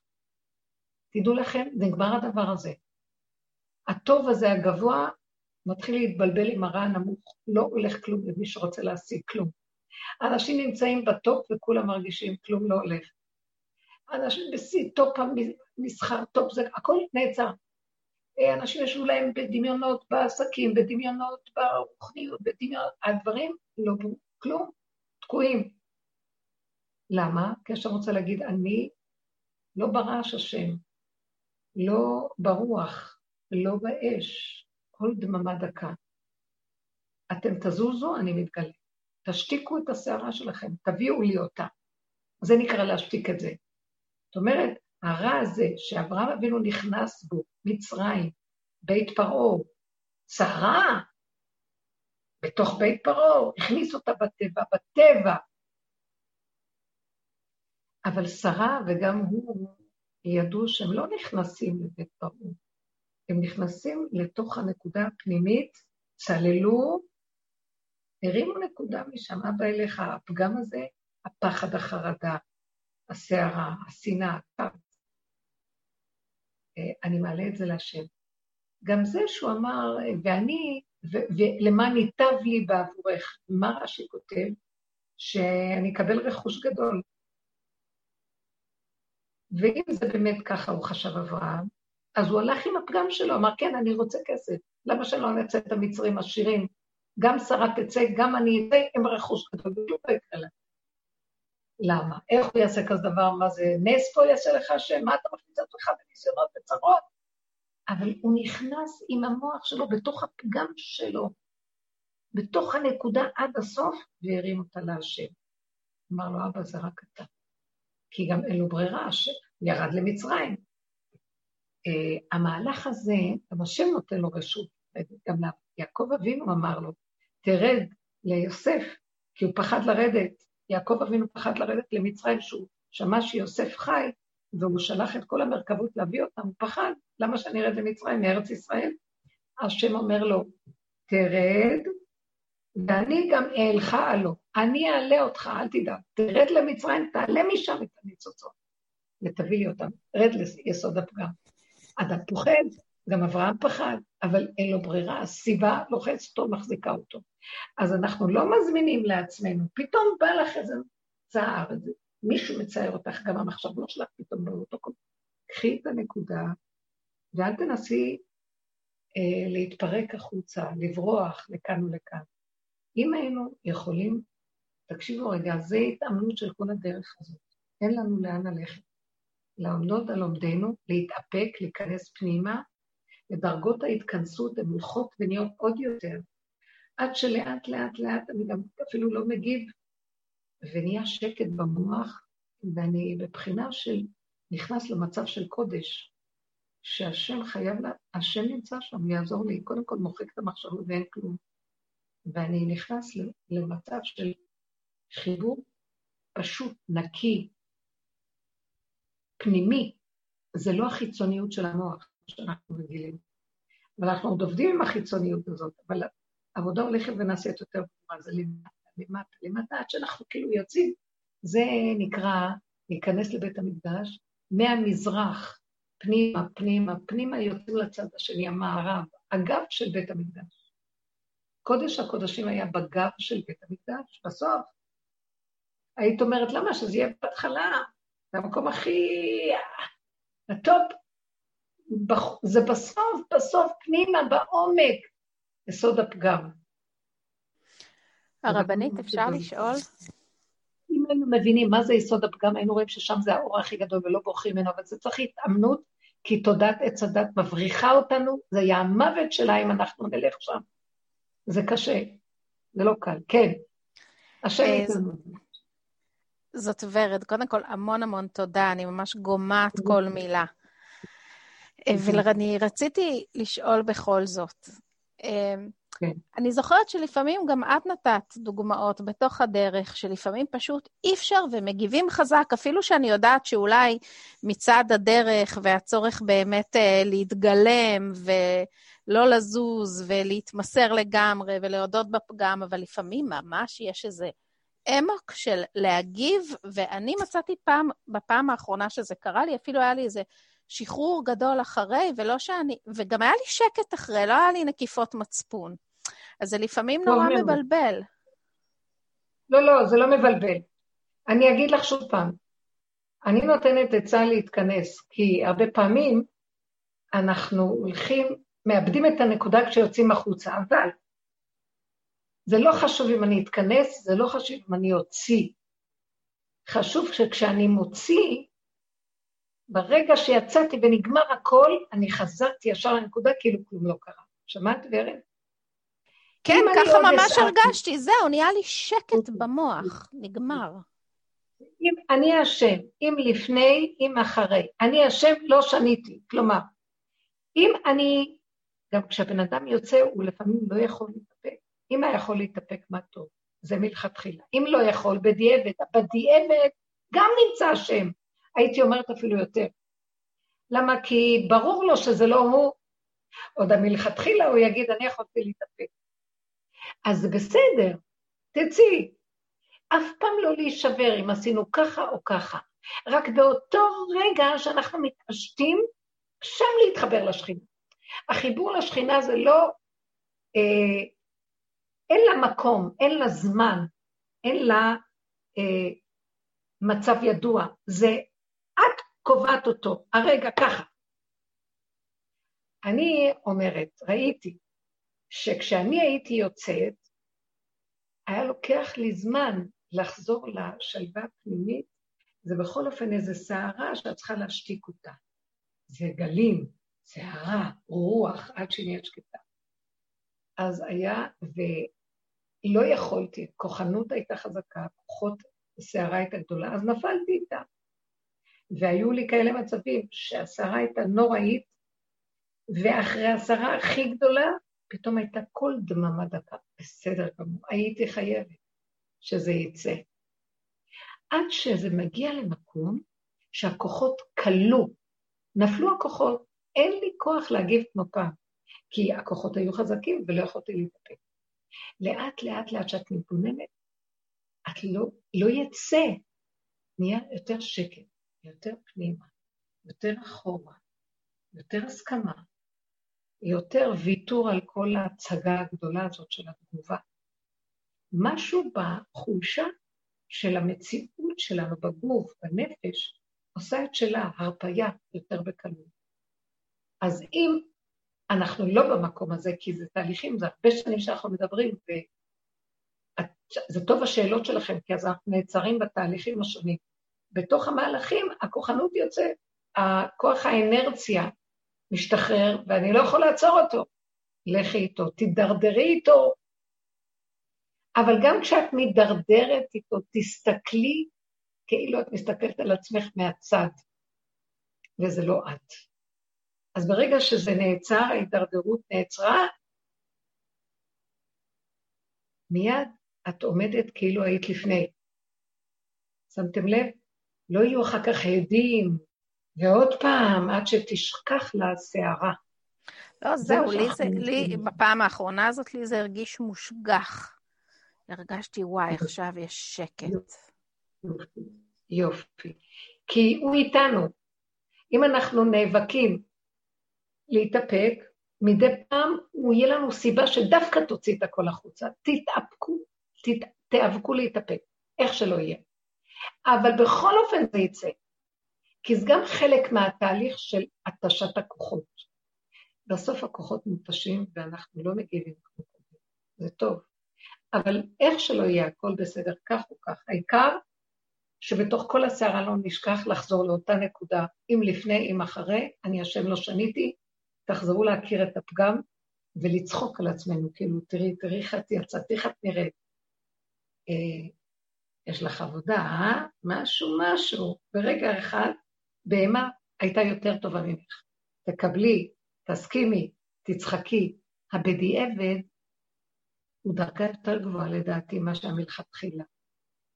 מהפחד של הסערה, כי לוקח כל כך הרבה כוחות לחזור למצב, וגם הורסים בדרך, אם זה אנשים שנפגעים, אם זה זה, אז לא כדאי לי להגיד, יש לי פחד מהתגובה שאני אחריב בדרכי את העולם. אבל אם לא הייתה ברירה ולא כלום, הבדיעבד שיצא לי כבר הוא יותר טוב מהמלכתחילה. גם שם מתגלה השם, נגמר המבול, והכל נרגע. זה רגיעות יפה. יש בה משהו שורשי, חוזר לעצמו, לכלום שלו. אז תמיד זה טוב. העיקר שנתפוס תמיד את הנקודה לחזור ולהישאר בקו האמצע, מדויק. אה, זה טוב מה שקורה לנו בתהליכים של העבודה, להגיע להכרה של היותנו כסילים וטיפשים, אה, מחריבים ושוברים. כמה אנחנו צריכים לפחד מהתודעה של עץ הדת, וכשאין ברירה ואי אפשר להתאפק, בואו נראה את זה בחוש, וגם שם הקליפה מתפוצצת ומסתדר הכול. אז בסדר, הכול טוב. ונראה לי באמת שבסופו של דבר, בואו נחזור אחורה, ואני שמחה שוורד נתנה את הדוגמה הזאת, ואמרנו את זה כבר בשיעורים קודמים, גם כתבנו את זה, שאם אני מתבוננת בהיסטוריה של לפני הדורות, קורא הדורות מראש, עוד לפני בריאת העולם, מה שקרה לפני בשלירות הקודמות, וגם הבריאה וגם המציאות שלנו היום, אף אחד לא מצליח להגיע לכלום, רק לאחר מייס. כי השבירה מוכרחת המציאות. אתם זוכרות שדיברנו על זה. זה בסדר ורד שיצא והכול בסדר. השבירה מוכרחת המציאות. עכשיו, זה שאני אומרת נתאפק, זה עוד איזה כוח של זכר חזק, של מוח, של... אנחנו בסוף הדורות, בצד של הנוקבה, חוסר אונים מוחלט. הרגש, הסערה, החושך, הנפש בשיא התהום שלה. מי יכול שם להתאפק משהו? מי יכול בכלל? אבל אנחנו בתוך הסערה, מה נעשה? בואו נתגלגל איתה, אבל בתוכה להחזיק ראש. אם לא החזקנו ראש קודם, אז בתוך הסערה להחזיק ראש. תמיד חייבים להחזיק ראש. מה זה להחזיק ראש? זה הנשימה, המיקוד, הידיעה שאם אני נושם אני חי. לא חשוב מה קורה, אני עוד חי. אני יכול לפתוח את הפה ולבקש רחמים. מה יתאונן אדם חי? די לו שהוא חי. עובר עליו מה שלא, הוא חוזר לנשימה שלו, הוא כבר מתאפס. זה הקו האפס, קו האמצע. זה הקו של האמצע. הנשימה היא באמצע. זה קו האיזון. זה המהלך שאנחנו צריכים להגיע אליו ולהתעשת מחדש. אז הדורות האחרונים, הסוף הדורות העבודה תהיה בתוך הסערה. עוד הראשונים, בוא נגיד, במחשבה עם הגובה והצד של הזכר, ברחו וחיו יותר בתיקון של הנשמה, הרוח. אנחנו בתוך הנפש, הדורות האחרונים, אין לך לאן לברוח, אז תתגלגלי.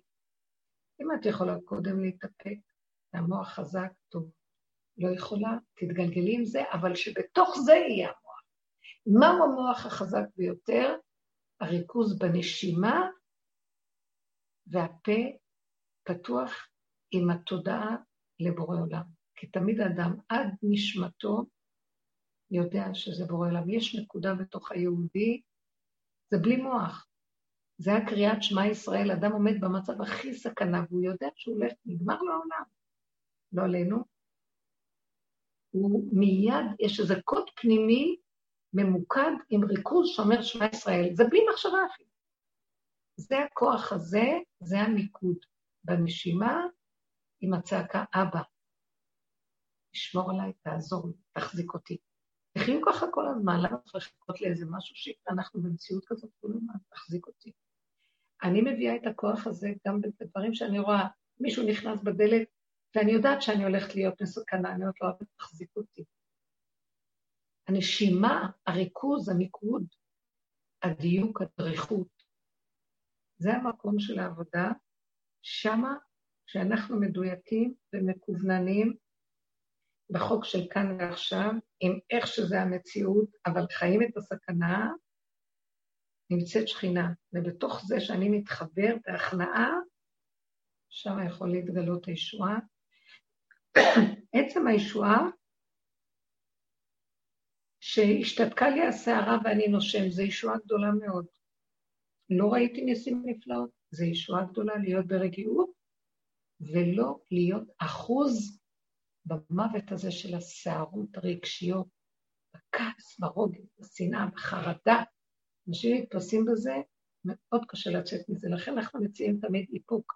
גם כשמתאפקים היא קיימת, מחשבות, אבל לפחות זה לא בשיא הלהט של הסערה. יש לכם עוד שאלות? אולי נדבר? נחזור על העניין הזה של אברהם אבינו אבי האומה וכל עבודתו של עם ישראל. אנחנו רוצים לחזור למקום הזה. כל הגלות תיפסק כשנחזור לאדמת בשרנו, לאדמת ארץ ישראל בהכרה אמיתית. נשאר לנו רק ההכרה והדיבור. עזבו את המוח של תודעת עץ הדת, כל ההתניות שלו, החיוביות, להיצמד למציאות של ההתנסות בטבע, במידות. יש שם חוכמה אדירה. זאת חוכמת שלמה. חוכמת שלמה באה מזה שהוא ביקש מהשם לב חכם. ארץ ישראל היא לב, הלב הוא הבשר, הדמים שזורמים בבשר, זה לא מוח. הוא ביקש חוכמה משם, חוכמת שלמה זה דבר ידוע. אה, ותרב חוכמת שלמה מכל בני קדם. הוא היה כל כך חכם מכל החכמים הקדמונים. כתוב אה, מקלקול ודרדה, הימן, קלקול ודרדה, כל מיני, מה חז"ל אמרו? אה, מחוכמת דורדעה, דרדה. חלקול, יוסף שקלקל את מצרים, וכן כל מיני. זה, זה מדהים, חוכמה שבאה מהלב, מבשרו. שלמה המלך ידע דברים, מאיפה ידע את כל זה? צעיר, כולו התחיל למלוך בגיל שבע. זה חוכמת הלב, שהשם חנן אותו, חוכמת הטבע. הייתה לו חוכמה במלכות, לא בשמיים, בכוונה בהשגות הרוחניות הגבוהות. ומתוך זה הוא ידע הכול. וזה המקום שאנחנו, בתור נשים ובתוך הדור של הנוקבה והדורות האחרונים, מתוך הטבע, להכיר את חוכמת השכינה. כל המפתחות בידה, היא פותחת לנו את הכול. היא אדוני הארץ. היא, אה, היא האלוקים, שם, טבע, שם, שם הטבע. אלוקי הארץ, אדוני הארץ, אם כל חי, אה, חוק הבריאה המושלם. היא התורה. התורה שיש בידינו נשבתה בתוך הדעת והתעקמה בחוק עץ הדעת, כדי שנוכל לעבוד עליה מתוך עץ הדעת, כי אנחנו שבויים בעץ הדעת. ואז אנחנו עובדים מעץ הדעת, אנחנו צריכים להגיע לתורה. אז עשו לנו מין סיבובים, זה כל העבודה שאנחנו עושים, מתוך השקר להגיע, מתוך הפגם להגיע, מתוך תודעה של עץ הדעת לעץ החיים. אז הייתה חייבת התורה להיכנס אחרי השבירה לתוך עץ הדעת. אבל השכינה, חוק התורה, חוק השכינה, היא חוק הבריאה, הקדום. איך כתוב? אה, אה, השמיים מדברים כבוד כל, בפרק תהילים. מעשי אדם מגיד דרכיה, יום ליום יביע אומר, ולילה ילך תורת השם תמימה משיבת נפש, עדות השם נאמנה מחכימת פתי, פיקודי השם ישרים משמחים, מצוות השם ברע מאירת עיניים, וכן הלאה. מה רוצה להגיד לנו? כל מה שכתוב בתורה זה הכל, יש שם השם, יש שם חוק הבריאה. עכשיו, אנחנו רואים את המצוות, לא רואים שיש השם, זה מצווה, תעשה ככה, תעשה ככה, זה הגדר, זה המידה. אה, זה הסייג, זה, אה, כן, מצוות תעשה, לא תעשה, לא רואים שם את השם. אבל כל השורש של כל התורה הזאת, כל כולה היא תורת השם, תורת הבריאה, חוק השכינה, הכל מדויק.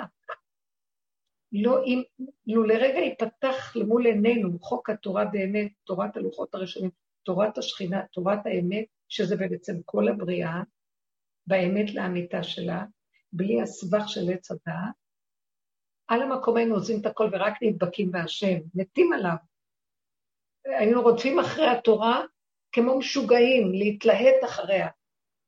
כמו ש... אה, מי זה אמר את זה? הרמב"ם אומר את זה, אם היינו יודעים את המתיקות של התורה, היינו רצים אחריה ומתלהטים ממנה, לא זוכרת. ומשתגעים אחריה. כי אלוקות, מתיקות,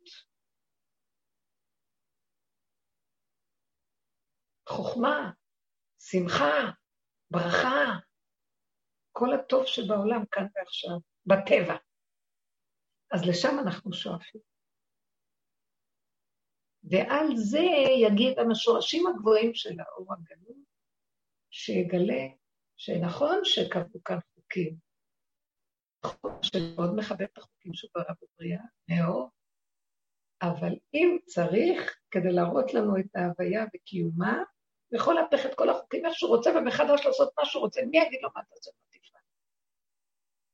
וזה כל היופי של העבודה שאנחנו עושים. קודם כל, אנחנו בגלות יצאנו מחוק השכינה, מחוק הטבע, מהמידות, מהנקיות והישרות, ואנחנו עפים בדמיונות כאשר אנחנו שמים את הדגש על המוח, על הלימוד, על הידע, על ההשגה, על ההבנה, לדעת, שזה דעת של אה, שכל ישר, שכל טוב, אבל אם היא לא מחוברת למידה, גם השכל הולך לאיבוד. כי השכל צריך את הדיוק במידות, אחרת הוא מתרחב, הוא הולך גם לאיבוד. מאבדים את הנקודה, לוקחים אקסיומה, ואת לא יודעת איך לשים אותה בחיים, היא הולכת לאיבוד. שתהיי חכמה עד מחר, את לא יודעת איך ליישם אותה. אז כשאנחנו חוזרים מהריחוף של הגלות ונכנסים לעבודה הפנימית של אדמת בשרנו, שזה בעצם עבודת דוד המלך, והיא בארץ ישראל צריכה לעשות עבודה הזאת, לא התגלתה. עד עכשיו, זאת אומרת, סוף הדורות, יסודה בדוד המלך. אבל שם טוב, גם כל החכמים שהם בעצם נגעו בה בקצת, אבל לא הצליחו, אה, גם, גם היא הלכה לאיבוד בתוך החסידות. יש הרבה השגות והבנות וידיעות, ואין את הנמיכות של הכרת הפגם ולהיות כאן ועכשיו, ואין לאן ללכת. וזו עבודה שאברהם אבינו עשה, וזו עבודה שעכשיו אנחנו לקראת סוף הדור, הוא יצטרך לחזור, אברהם אבינו. כתוב בפרשת אה, וארא, יש פרשת וירא, שזו הפרשה הבאה, בבראשית, ויש פרשת וארא בשמו, שהשם אומר למשה רבנו, וארא אל אברהם, יצחק ויעקב בקל שקי. ובשם השם הוויה לא נודעתי להם. מה הכוונה? אברהם אבינו עבד עם השכינה בטבע. אתה, משה רבנו, שושבינה בשם הוויה. אתה מביא עכשיו לעולם את האור הניסי הגנוז, כי היה נצרך את, את משה רבנו להוציא את עם ישראל ממצרים באותות וניסים מופתים. מי יכול לצאת מתודעת הדת? מי יכול לפרק אותה? אני אגיד לכם, השכינה שבויה בה, היא לא יכולה להוציא אותה משם. אנחנו מעלים אותה, והיא עושה לנו בטבע ניסים, ניסים, לא ניסים, אבל מציאות של חוק הטבע היקר, הנקי, הפשוט, האמיתי. אבל עדיין לא נוכל לפרק את תודעת עץ הדת לחלוטין, גם השכינה נמצאת בה, כי היא בטבע שורה. חוק עץ הדת שורה איתנו. רק ההוויה הניסית תפרק אותו לחלוטין. אז תהליכים הם כאלה. במצרים היינו תחת, ש... כמו עובר במעי הבהמה, שבויים בתודעת עץ הדת לחלוטין. כל התודעה של אברהם אבינו בעבודתו הגדולה, היא נטמעה בתוכנו. היא נמצאת בגנים, אבל היא לא יצאה בפועל. אמרו על, על, על, מצרי, על, עם ישראל במצרים שהם היו, שקטרגו עליהם המלאכים, מה אלו עובדי עבודה זרה, וגם אלו, לא היה כמעט הבדל ביניהם, לא היה להם לא מצוות, לא תורה, לא כלום. בסדר, תמיד היה ידוע שעם ישראל יש לו איזו ייחודיות, אבל בכל אופן הוא עוד לא היה עם, היו שבטים, משפחות. היה נצרך להשתמש באור הניסי של אברהם אבינו, שהוא בא מצד האור הניסי שם הוויה, ולהרים את עם ישראל ברמה של בלי עבודת השכינה, בלי עבודת אברהם אבינו, בלי עבודת השכינה, אותות ומופתים וניסים ונפלאות, בלי שהיה מגיע להם, בלי שום תהליכים. לא היה להם שום תהליך לעשות עבודה. ואז קיבלו את התורה וחזרו לתהליכים. וגם עם כל זה נפלנו, נשברנו וכלום לא הולך. היינו עוד פעם באומות העולם, ובאומות העולם, עם התורה, הלכנו לאיבוד בדמיון הוויה. משה רבנו נעלם, אין הוויה יותר, אין ניסים של הוויה. ואנחנו בארץ ישראל היינו עם השכינה, אבל גם עשינו כאן דברים שהם נגד הרצון התורני. הלכנו ממש, עבדו עבודה זרה גדולה בארץ פה. לא היה פשוט מה שהיה. לא היה פשוט בכלל. גלינו מארצנו, והלכנו עוד פעם בדמיון הוויה. ירדנו מהשכינה, אין שכינה, שלא הלכנו בחוק הטבע, עשינו נגד חוקות התורה, נגד חוקות הטבע. לא היינו בדמיון הוויה שהיינו בארץ ישראל, אבל לא היינו עם השכינה, הלכנו עם השקר והכזב ועץ הדעת והזוהמה של כל הקלקולים. בבית ראשון זה היה עבודה זרה, בבית שני מידות רעות, שנאת חינם נוראית, וגלינו מארצנו. בגלות נשארנו עם התורה, אבל עם דמיון ההוויה. חזרנו לארצנו, אחרי כל כך הרבה דורות, אנחנו בארץ ישראל, וקיבלנו את סוג העבודה הזאת לקראת הסוף, שהיא כאילו להחזיק את, עוד פעם את אברהם אבינו, לעשות חידוש, השם הבטיח לו את הארץ ולהתנחל בה, קום והתהלך לאורכה ולרוחבה. קיבלנו את העבודה הזאת. העבודה של להיכנס ליסוד הפגם זה העבודה של רבו שהיא לא שלו, היא מבית מדרשו של דוד המלך, שהוא עבד ככה. היא עבודה שמתאימה לדור האחרון שדוד המלך לא, הדור של הצדיק השביעי, כאילו, מה שנקרא האושפיזין השביעי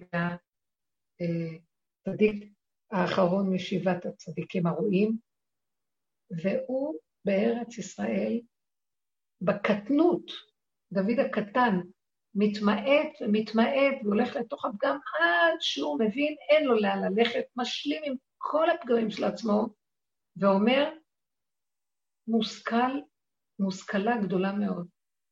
מה שלא עשיתי לעבוד אותך השם, ושיוויתי השם לנגדי תמיד, ובחנני ונעשה לי, כי צדיק אני, כי חסיד אני, ובאמת היה צדיק, חסיד הכל.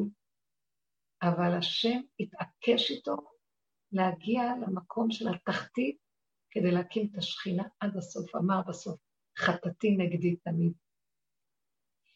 נכון שיוויתי השם, אבל מתוך חטאתי נגדי תמיד שיוויתי השם. אי אפשר לעשות שיוויתי בחיכוך.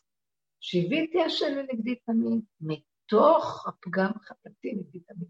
נמצא שקודם חטאתי, ואני משלים הפגם, חי איתו, נמצא בתוכו, לא מתבלבל ממנו, נגמרו האיסורים, נגמרו עץ הדת, החרטות והסבל של איך אני נראה לא נראה, והשאיפות להיות צדיק ולהיות חסיד ולהיות גדול. נגמרו השאיפות, נגמר כלום. אין מדרגות ואין שום דבר. אמונה תמימה, איך שזה ככה. גם אמונה תמימה מתפרשת אצלנו לא טוב. אין, לא הייתה לדוד המלך אמונה. הוא פשוט היה לו פגם ואמר ככה. ושם התגלתה אמונה. זה בורא עולם, שכינה שעטפה אותו. זה האמונה, אמת, מילה נרדפת לאמונה, אמת. עטפה אותו, ואז אם הייתה לו אמונה, הוא ידע שזה לא ממנו, זה מבורא עולם. אין אמונה לבן אדם. זה דמיון עץ הדת. הבן אדם, כל עוד הוא עם התודעה הזאת, אין לו תקנה. רק שבירתו היא תקנתו, כלומר שישבר ליבו לפני השם ויסכים שהוא כלום. זה לא שבירה של ייאוש, זה הסכמה לקחת, זה נקרא שבירת דמיון. עכשיו, העבודה הזאת שניתנת לנו בסוף הדורות, מתאימה למצב שלנו, מתאימה לסוף, לחולשה של הנפש, לחולשת הגוף, אה, לבלבולים. אין, אין כוח למוח הזה, הוא משקר. כולם רואים בעליל שהמוח הזה וכל הדמיון של המסודר, של היכול, של הספריות, אה, אה, הכל מתמוטט, כלום לא עובד, זה נראה כאילו. הכאילו מתגלם ב, ב, בהתגלמותו, כאילו של עץ הדת. והבן אדם כבר לא מאמין, הכל נראה כאילו. עמדות שקר ושא, הכל כאילו, כאילו חוק, כאילו שוטרים, כאילו ממשלה, כאילו מדינה, כאילו משפחה, כאילו, כאילו חולי. איזה סכנה לנו להאמין לכל זה. תשתקו, תורידו את הראש למטה ולהגיד, אבא, כל העולם ילך שמה, אני הולך אחורה, איתך. אחורה, פנימה, הלוך ונסוע נגבה. אברהם אבינו וילך אברהם הלוך ונסוע נגבה עד האי, אי זה ראשי טובות עתיק יומין, הוא מגיע עד למקום של עתיק, עד הסוף פנימה, פנימה, אין כלום, קודש הקודשים, המערב, הלמטה, אחורה. וזה בעצם, המערב הוא הקדימה בעצם, הכל הפוך בעולם הזה, והעבודה הזאת של אברהם אבינו היא עכשיו חוזרת שוב. כי חייבים להיכנס מחדש לארץ ישראל, לחוק האמת, לחוק האמונה. זה לא, דו, זה לא דווקא שאני מדברת על הארץ, וזה באמת גם הארץ, הכל מתווסף לארץ הזאת, לבשר, לאמת, לפשטות, לנקיות. להפסיק להיות משועבדים לאינטרסים, ואנחנו שם, אבל אנחנו רואים את זה וחוזרים, רואים וחוזרים, נופלים וקמים, נופלים וקמים, ולא להתרגש מכלום.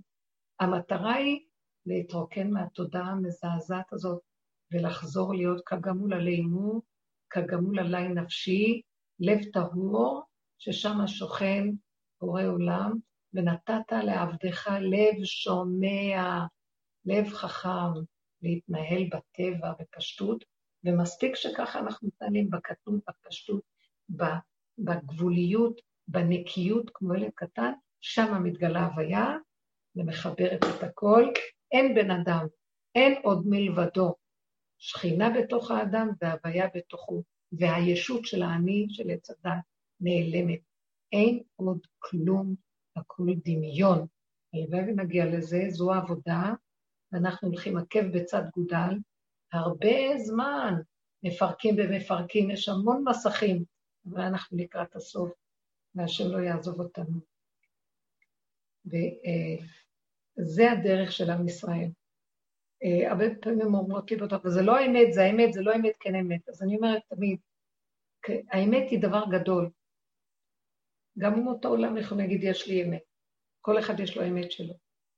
אבל אנחנו אומרים, תיתן אמת ליעקב. לעם ישראל יש את האמת שמתאימה לו. הוויה. אה, יש לי איזה מישהי שהייתה בהודו, ואומרת לי כל הזמן, הוויה, הוויה, ויש ספרים שיוצאים על הוויה, והוויה. יש הרבה, ההוויה היא גדולה, יקום גדול, הוויה היא גדולה. אנחנו אומרים, הוויה אלוקי ישראל. השם אלוקי ישראל, י' כו' כאלוקי ישראל. תיתן אמת ליעקב. הדרך של דוד, הדרך של אברהם אבינו. הוא הכניס את האומה להיות שונה, הוא הכניס אותנו להיות עם ישראל, הוא היסוד שלנו, כי הוא הלך בצורה אחרת מכל העולם. כל העולם מרחפים בהוויות, הם הלכו לדמיון הוויה רחוק, גבוה, דמיון אה, שמה. זו הסכנה הכי גדולה. רוחני, גבוה. בא אברהם אבינו ואמר, לא, טבע, אבל שכינה בתוך טבע. כי גם טבע זה לא חוכמה טבע, אנחנו עיקר נוח, אה, נטע כרם והתחלל, כל הקדושה הלכה. סכנה. אנחנו רוצים שכינה בטבע. מה זה שכינה? הגבוליות המדויקת של כל חור. הכוח המחיה, שאם אני מחובר אליו, אני יודע לחיות בטבע ולהודות לו ולחיות איתו בלי גנבת הגדלות, או שאני אהיה עיקר טיפש באדמה, או שאני אהיה ראש בשמיים כמו דור הפלגה, עושה מלחמה עם השם. אז יש הוויה, ויש גם uh, טבע, אנחנו בטבע של השכינה, בהוויה אלוקי ישראל. שימו לב להבדל דרך העבודה הזאת. תודה רבה לכם, בנות יקרות.